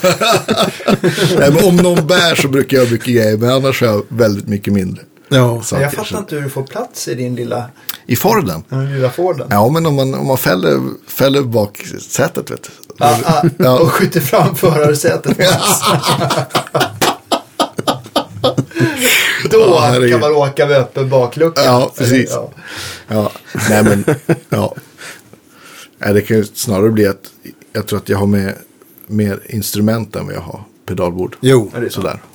Så var det för mig också. Jag hade ju massvis med gitarrer med, med Roxette också. Ja. Tolver och tre akustiska och... Då var det Takamine-spons på den tiden, så jag Mm. hade Takamine-gitarrer. Så det var ju lite så unplugged. gitarrer. Lätt bra, i- förhållandevis bra ipluggat. Men jag tänker att de är ganska så här stabila. Ja, de var, den var mycket. det. Absolut, de var stabila. Det var väl väldigt populärt med så här, den här hela unplugged-vågen. Om man tänker där Jo. som 90. Precis. Visst, visst gjorde ni någon sån grej också? Ja, va? vi gjorde Unplugged på Cirkus i, i Ja. ja. MTV Unplugged. Det gjorde vi. Precis. Och då var det, men jag ville inte ha lineat då, utan jag körde mikrofoner. Ja, För att jag, jag på något sätt tycker jag att det blir konstigt med stämningen på line, akustiska lineade grejer. Alltså. Jaha. Kan Just det ha, jag vet Just inte. att det är stämningen som... Ja, men det, alltså, det, det finns, alltså jag, jag tyckte aldrig att jag fick till att det stämde. Det, det stämde alltså, men sen när man körde linen så stämde det inte tycker jag. Men det kän- det känns som att ljudet inte får komma ut ur lådan ordentligt, kändes det som. Ja, Jag- det kan jag tänka mig. Så att, eh, jag vet inte, jag, jag är förmodligen bara en stämnoja som jag alltid har haft. Sådär. Men, men jag ville köra unplugged med vanliga mikrofoner framför istället. Så det, det gick de med om man, på. spelar man helt akustiskt så, så funkar ju det faktiskt. Ja visst, det, Ja. det, det, det Jo, Om man, ja, om man inte har en, en, en hårt slående trummis så det är oftast då det blir. Ja, det är då, då det går det blir. inte att, att micka. Är du känslig för liksom om eh, folk har ostämt eller att du reagerar Ja. eh, surt eller sång Ja. eller något? Ja. det gör Alltså så att det nästan är, att det är jobbigt för dig. Ja. Ja. När jag gör pålägg ibland hemma så kan det liksom vara, det är klockrent men jag märker att någon tonar liksom. Mm. Och det ja det oh ja, nej det det. Har du experimenterat med de här True Temperament och Buzzfaten och ja, allt vad man kan nej, vi, hitta på med gitarren? nej, jag har faktiskt inte gjort det. Jag, jag kollar i, Buzzfaten har jag kollat igenom, det har jag gjort. Mm. Och eh, ja, jag bodde granne med han som höll på med det, han engelsmannen, Paul Guy. Just det. Och, Det var ju eh, liksom innan True, han började samarbeta med precis. True Temperament. Ja. va? Det var det. Men eh, Arne, Arne Arvidsson som har byggt mina gitarrer, han, det har funkat väldigt bra med hans Mm. intoneringar och, och allting. Men eh, jag körde ju 09 från början, men nu sen med 010 strängar för mig så stämmer det är mycket bättre direkt tycker jag. Mm. Har, du, eh, eh, har du varit trogen ett märke också där eller? Ja, jag GOS från början då. Nu, vi fick spons på det på turnén. Mm. Och sen, eh, nej det var det Elixir för mig sista åren faktiskt. Och det är ju många som Jag klagar på också, men jag, för mig funkar det jättebra. Mm. Alltså, så fort man vänjer sig vid den här lite halare ytan så tycker jag att det har varit. Ja, det var, alltså, ja, det var, det var faktiskt Astner som rekommenderade dem till mig också. Men jag tycker också att av den anledningen att, att just att de hellre att de är lite halare som elixir än att man kan få en sån här eh, jag vet inte om ni har provat eh, nyligen de här eh, många av de här stainless steel och de här nya eh, eh, linningarna som är väldigt sträva. Ja, just det. Det blir man ju jätteirriterad på. Hellre Nej, jag har inte liksom testat det- mm. Ja, jag tycker Ja. också hellre att det är glattare. Jag brukar faktiskt ha sådana här GHS har någon liten så här fast fret heter den, i en röd plåtburk. Som man kan säga, det är någon så här strängrengörare men den lägger på något lite så här glättigt. Jaha, Så att om man har strängar som man har spelat på en stund så får man dem och blir de lite mer i glid på liksom. Ja. Nej, jag, jag, jag har kört på Elixir i tio år nu och det, Ja. det, jag är van med det nu. Ja. Det känns det mig jättebra. Liksom. Både på el och acke. Ja, Ja. ja. ja, faktiskt. Det du sa där om att stämma, det är ju liksom gitarr stämmer ju inte. Det kan kännas som att om man spelar in så stämmer man mer än man faktiskt spelar. Ja, det blev lite så. Sen det, det som vi gjorde med, med Roxette var ju, det var väldigt mycket öppna C, G, D, E-moll, öppna ackord. Där vill man ju ha klockren Tom Petty-stämning så att det, man hör att det Precis. är liksom öppet fint tele liksom. Ja. Och det var, nog, det var nog där det börjar. Att man liksom, det, var, det kommer jag ihåg att det var lite svårt att spela med Micke där för att vi hade lite olika... Han stämde klockrent och jag stämde klockrent men det blir ändå en viss skillnad i, i, i ljud alltså. Ja, men det blir det ju. Om, Det, det, det, det, går inte att göra något åt. Alltså. om jag spelar på en gitarr eller Danne och så ger vi den till dig. Det första du kommer göra är att du stämmer lite. Ja, man, För precis. alla har lite olika touch. Det är ytterst fascinerande. Det har, Jo, har slagit det, mig. Det, jag har också tänkt på Och, det. och, och tvärtom också. Att någon spelar på en gitarr och låter jättebra. Så tar jag den och så bara... Ah, och så stämmer man lite. Så. Ja. Det Det har också varit någon så här en gång eh, bara på skoj. Jag satt hemma hos en, en väns hemstudio. Som att han skulle göra gitarrpålägg bara. Mm. Jag får inte till det, kan inte du prova istället? Och sen så stämmer det liksom. Så det är någonting, jag vet inte ibland att man får någon så här känsla av att man, att, eh, man kompenserar omedvetet Jo. också. Mm. Ja, men det, gör är det man. nog. Det gör man. Jag gör det i alla fall. Ja. Eller jag vet att jag gör det. det är... Men det är också, det, när man spelar in, när man spelar in sent på kvällen så tycker jag att allting låter svajigt och jäkligt. Men så lyssnar man på det på morgonen så det är bra det här. Ja, om man blir, om man blir trött. Ja, det är ju visst. Ja, men så kan det vara. Viss, vissa dagar tycker jag oavsett om jag ska spela eller in eller spela live så kan jag tycka. Vissa dagar tycker jag att det stämmer sämre. Men det är ju, sitter ju i huvudet. Det är förmodligen för att man är trött. Jag liksom. märker det här ute vid meckarbänken att jag tycker att det så bara jäklar vad lättstämt det är idag. Det bara, det bara flyger fram så här. bara allt sätter sig klockrent. Jag har, har ett, ett klingande A i huvudet och Ja. ja. inga problem. Och så dagen efter då är man då, då, faller, då faller självförtroendet igen. Ja, Jag kan tycka att ibland kan jag till och med bli så här nojig så att om jag spelar på en sträng så tycker jag att strängen svajar. Alltså, så bara, nej, men så- nej, men det, det är ju bara totala nojor. Alltså, Nej, men det är underbart. Nej, den här stämmer. Jag tror till och med någon gång att jag har bytt D-sträng. För jag suttit och spelat så bara, nej, det, den stämmer ju inte. I, Men, men ja. Ja, det är härligt. Inuti. så tycker jag att det kan vara att man kan få lite måndags eh, eh, från vissa tillverkare. Att det kan Ja. vara lite måndagsex på strängarna. Så men, Jo, då. Ja, då. absolut. absolut. Jag har, eh, ja, jo, det har jag också varit med. Ja. Utan att säga de märken. och- Så, så kan det vara så. Men, det, ja, men just gitarr och stämning är ju, är ju väldigt, väldigt speciellt. Och jag, jag tror som du säger att, och vissa ackord har man ju också lärt sig att inte spela helt enkelt.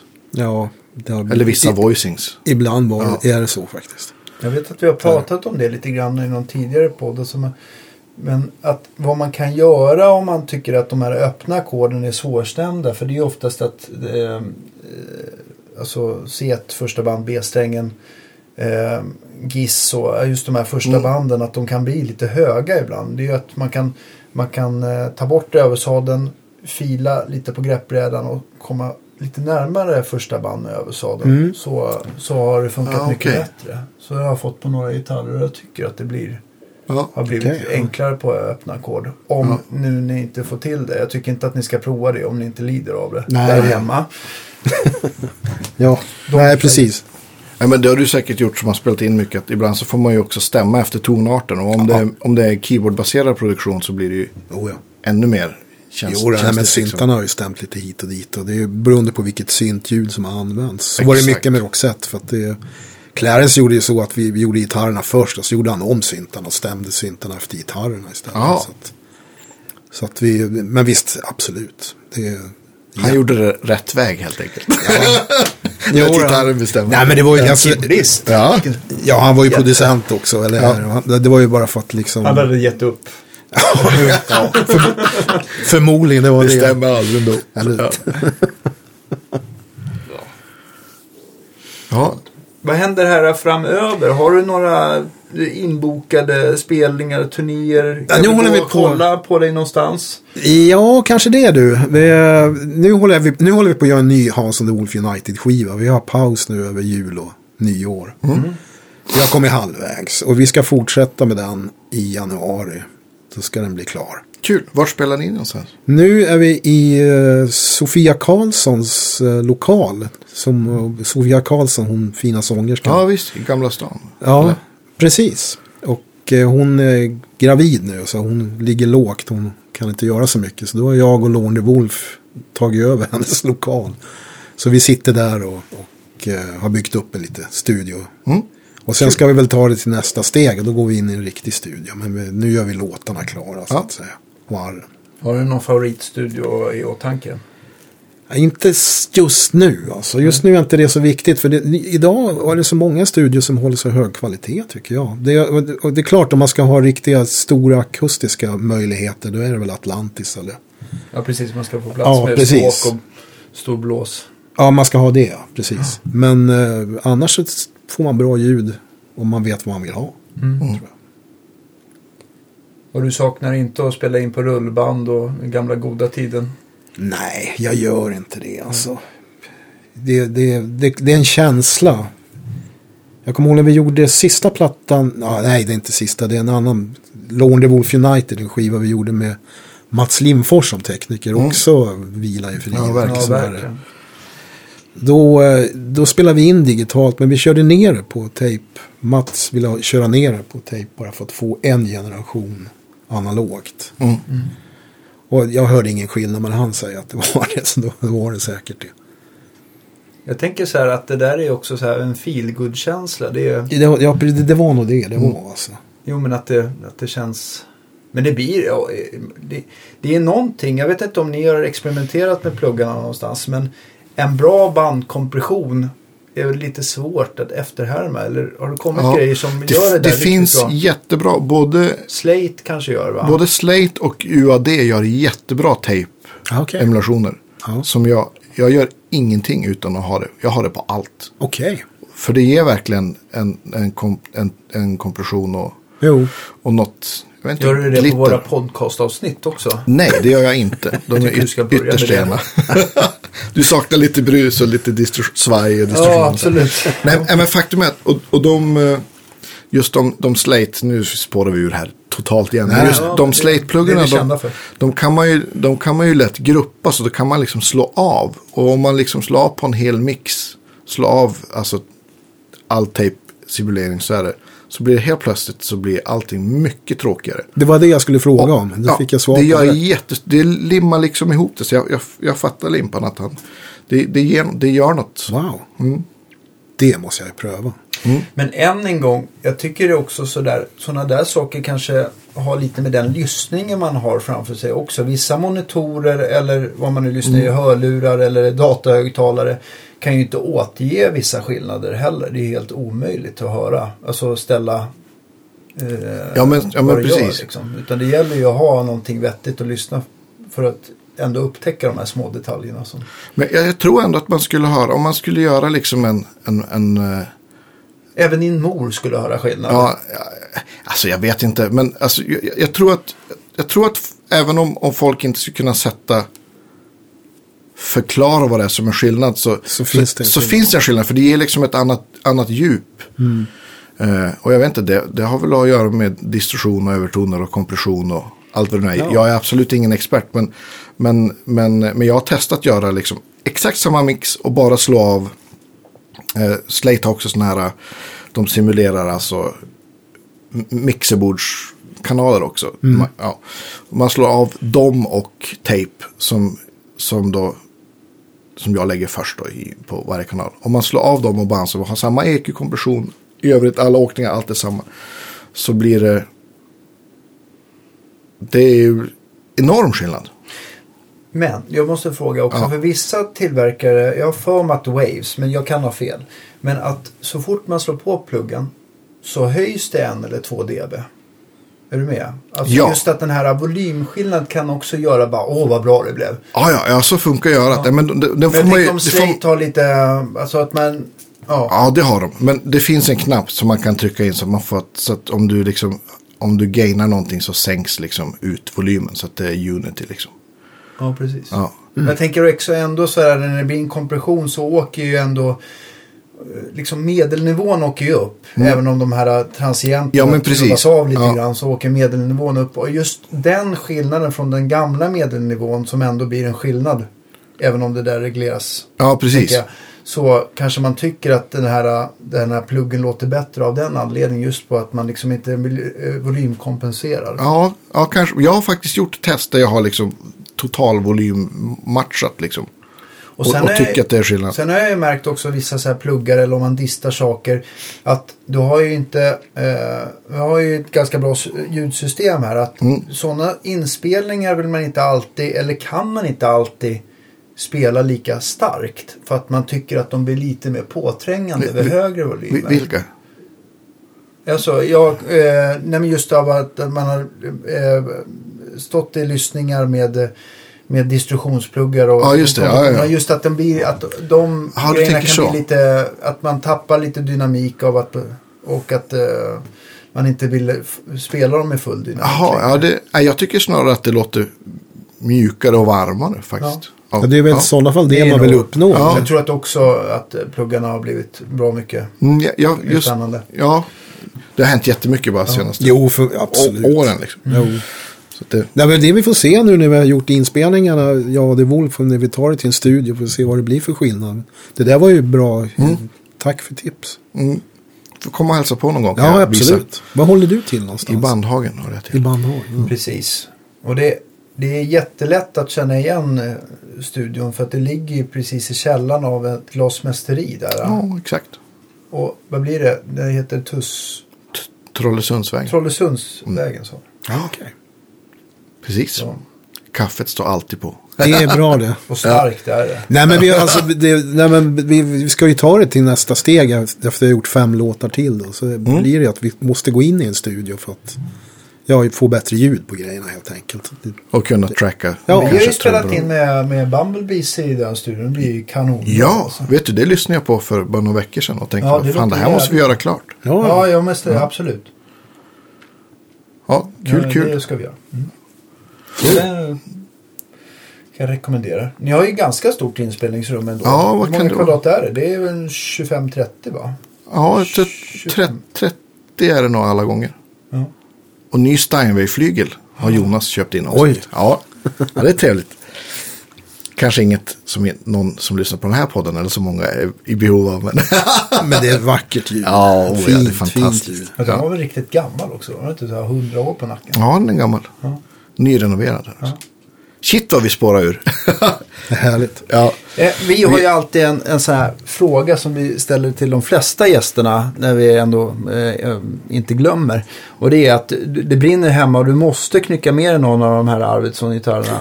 Vilken blir det då? Eller det kanske är någon annan du hellre tar med? Jag har ju andra gitarrer också. Ja, fan, det... Hur många gitarrer har du?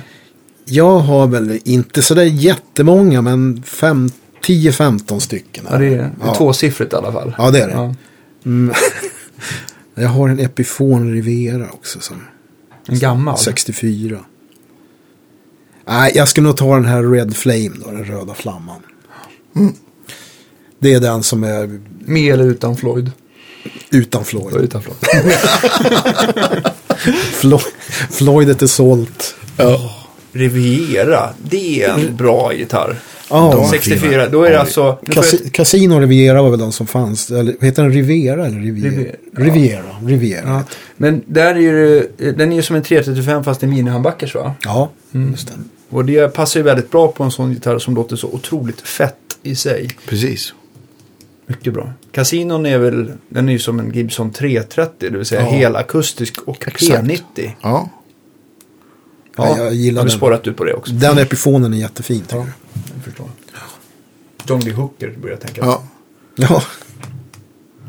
Jag, har jag, måste, jag måste dela med mig av ett sånt minne. Det var långt innan jag visste att det var du som spelade på. Men jag har, jag har ett sånt guitar moment där jag mimade till, till, till the look med en linjal på, på en lunchrast. Ja, visst. Inte ens ett tennisrack. Nej, det var linjal. För det var... var det den dagen du blev reglerad från skolan? Ja, precis. Nej, men det var, jag vet inte vad, hur gammal jag var då, men jag var, jag var inte så gammal. Men i alla fall så, då det var, om det var kallare än minus 25 så fick man vara inne på rasterna. Det är ganska gulligt att var det minus 23 då fick man liksom vara ute. Och, ja, det... Men var det kallare än minus 25 då fick man vara inne. Och den, den här vintern var det mycket kallt. Och och jag kommer ihåg att vi spelade Roxette på så stark volym då och jag stod på lärarens kateder med den här meterslinjalen och mimade till. Så jag tänkte att jag måste få berätta det här minnet för Jonas. För det Underbart. så fantastiskt. Ja, det är... Bra riff och jättebra gitarrspel. Nej, vi höll på med tennisracket i alla fall. Ja. Badmintonracket. Men var det då? Var det väl Shadows och Spotniks och Ja, det. kanske som Ja. vi mimade till. Har du någon, har du någon eh, för, innan vi knyter ihop säcken Ja. totalt. Har du någon eh, gitarrprestation som du, eh, inspelad som du är extra nöjd med? Ja, det finns några stycken som, som oj, vad svårt. Men det är väl några Eva-grejer som har blivit jättebra alltså. Det är de där som man inte tror ska bli bra. Det är de som oftast håller längst tycker jag. När man inte riktigt vet vad man gjorde. Vad fan Mm. kan vara det där? Så hör man det några år senare. Va? Vad gjorde jag? Det där var ju bra. Det som hände i stunden. Liksom. Ja, jo precis. Och ibland har jag varit lite för perfektionistisk när jag har suttit i studion och kanske jämnat ut allting för mycket och slipat lite för mycket. Mm. Men de där grejerna som är spontana, som verkligen flödar fritt. Som man inte är riktigt beredd på att de ska göra förrän man hör dem. Man blir förvånad av sig Ja, själv. men då i sådana fall så är det ju Sommarbarn i stan med Eva Dahlgren. Den tycker jag, det solot var... Låter som en blandning mellan Van Halen och Robert Fripp eller någonting. Jag vet inte Ja, riktigt coolt. vad som hände om jag ska vara riktigt ärlig. Ja. Och det var det typ en tagning. Och sen så Anders Glenmarks tyckte det där var bra. Men jag, jag, vet, inte, jag testar ju bara. Ja. Men en Så den, klassiker. den, den tycker jag var kul. Ja. Ja, den ska ju definitivt vara med på den här playlisten. Ja, vad kul. Ja. Ja. det finns fler Eva-grejer. Det, var, det finns några stycken som är. Och Roxette. Excited var rätt kul att göra faktiskt. Nej, jag kommer inte ihåg alla. Ja. Ja. Ja. Det finns så många. ja. Jag tänkte på det också. Du måste ju vara en. En av de svenska gitarrister som har, som har hörts mest utanför Sveriges gränser just med, med tanke på alla Roxette-låtar. ja, eftersom gitarren har haft den funktionen. Ja, att det men var precis. en del i låten. Så det, annars är det Norum och, Norum, ja. ja och precis. Kjelle, ja, Kim Marcello också. Ja. Men, men Nej, Roxette Roxette är nog större det- än Europe alltså. Ja, och den har varit en annan grej med Roxette eftersom gitarrerna är då signifikativa för del av låten så att Ja. säga. Så att det, det är mycket möjligt att det är så. Har du någon, har du någon eh, vilken av skivorna du har medverkat på eh, har sålt flest exemplar? Har du någon? Joyride. Joyride. Hur många ex har den sålt? Ja, det är nog eh, 10 miljoner drygt tror jag. Mm. Tror Det, jag. det är helt godkänt. Ja. jo, men det är väl, det är väl okej. The Look måste ju ha gått extremt bra också. Ja, fast. Look Sharp-plattan sålde nog inte lika mycket som, som Joyride ändå. Det var Joyride- väl då det tog hus. Jo, Och sen Joyride Men The Look liksom- var ju, alltså det var ju en stor hit. Den låg Ja. ju etta i många länder och sådär. Men, men Joyride är den som har sålt bäst. Det. Det måste ju, det, det spelas förmodligen dagligen eller kanske hela tiden. Om man tänker så, vad heter den? Ja, det som är intressant, och- det, det är intressant att se hur Sami arbetar. För Sami har ju, har ju breddat sitt register med utlandsspelningar på, Okej. på musik. Så att man märker, Ah, Alltså ni får ersättning, ni som medverkar på inspelningar. ja precis. Och eh, senare i åren så har det stigit från år till år med Roxette. Det är ju Roxettes förtjänst. Därför att Sami har mer och mer länder i sin just det. vid sina utbetalningar så att säga. Så att eh, där märker man skillnad.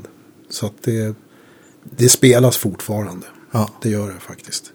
På vissa stationer har ju Roxette kommit in i en sån där classic pop sväng så det, kom, det spelas Det alltid. ligger på rotation. Liksom. Ja, precis. Och det är ju, ja, det är, ju- det är bra. Det är kul. Ja.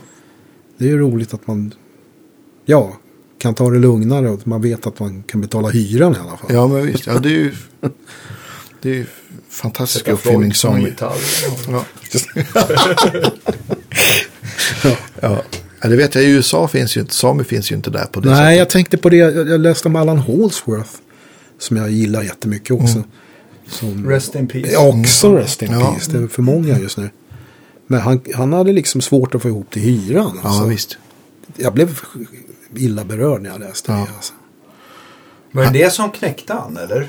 Ja, jag vet inte. Nej, men jag tror att han, jag tror att det ordnade upp sig ekonomiskt för han gjorde en uppfinning till, eh, alltså någon sån här eh, mojäng till öl på något vis som man använde för att tappa öl. Gjorde Just det, han. han var, var inte han ganska törstig också? Jo, men det var han Och nog, han tror var det.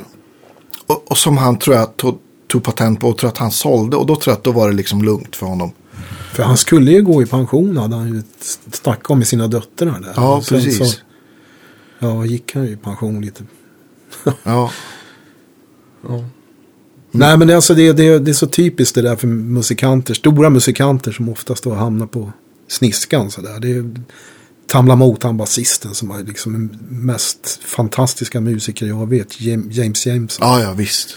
Ja. Han hade inte så lätt han heller. Liksom. Men ändå spelat på så gigantiska plattor. Alltså. Så där måste jag ju faktiskt säga att Sami gör ju ett bra jobb. Oh, ja, verkligen. Ja, Det det, gör de. Skål för samer. ja, Ja, Trots att vi inte har någon kaffe kvar i kopparna. Men... stort tack för att du Ja, vad ville roligt. Det var extremt trevligt. Ja, ja roligt att vara här. Kul. ja. Hoppas... Se, det blev ju någonting att prata om ändå. Ja, precis. Ja, du ser. Det bara, det bara ramlar på ja. när vi spårar ur. Ja, men det är härligt att spåra ur. För att det är, vanliga intervjuer blir så tråkiga. Så att det, det är roligt att prata. Det brukar vara mer som en fikastund det här. Exakt. Precis. Kul. Och nu är det Max Schultz, nu är det du. Nu är du, Precis. vi kommer efter dig. Hör upp Max. Ja, så bra. Vi, ser. vi hörs nästa torsdag, gott folk. Hej då! Hej då.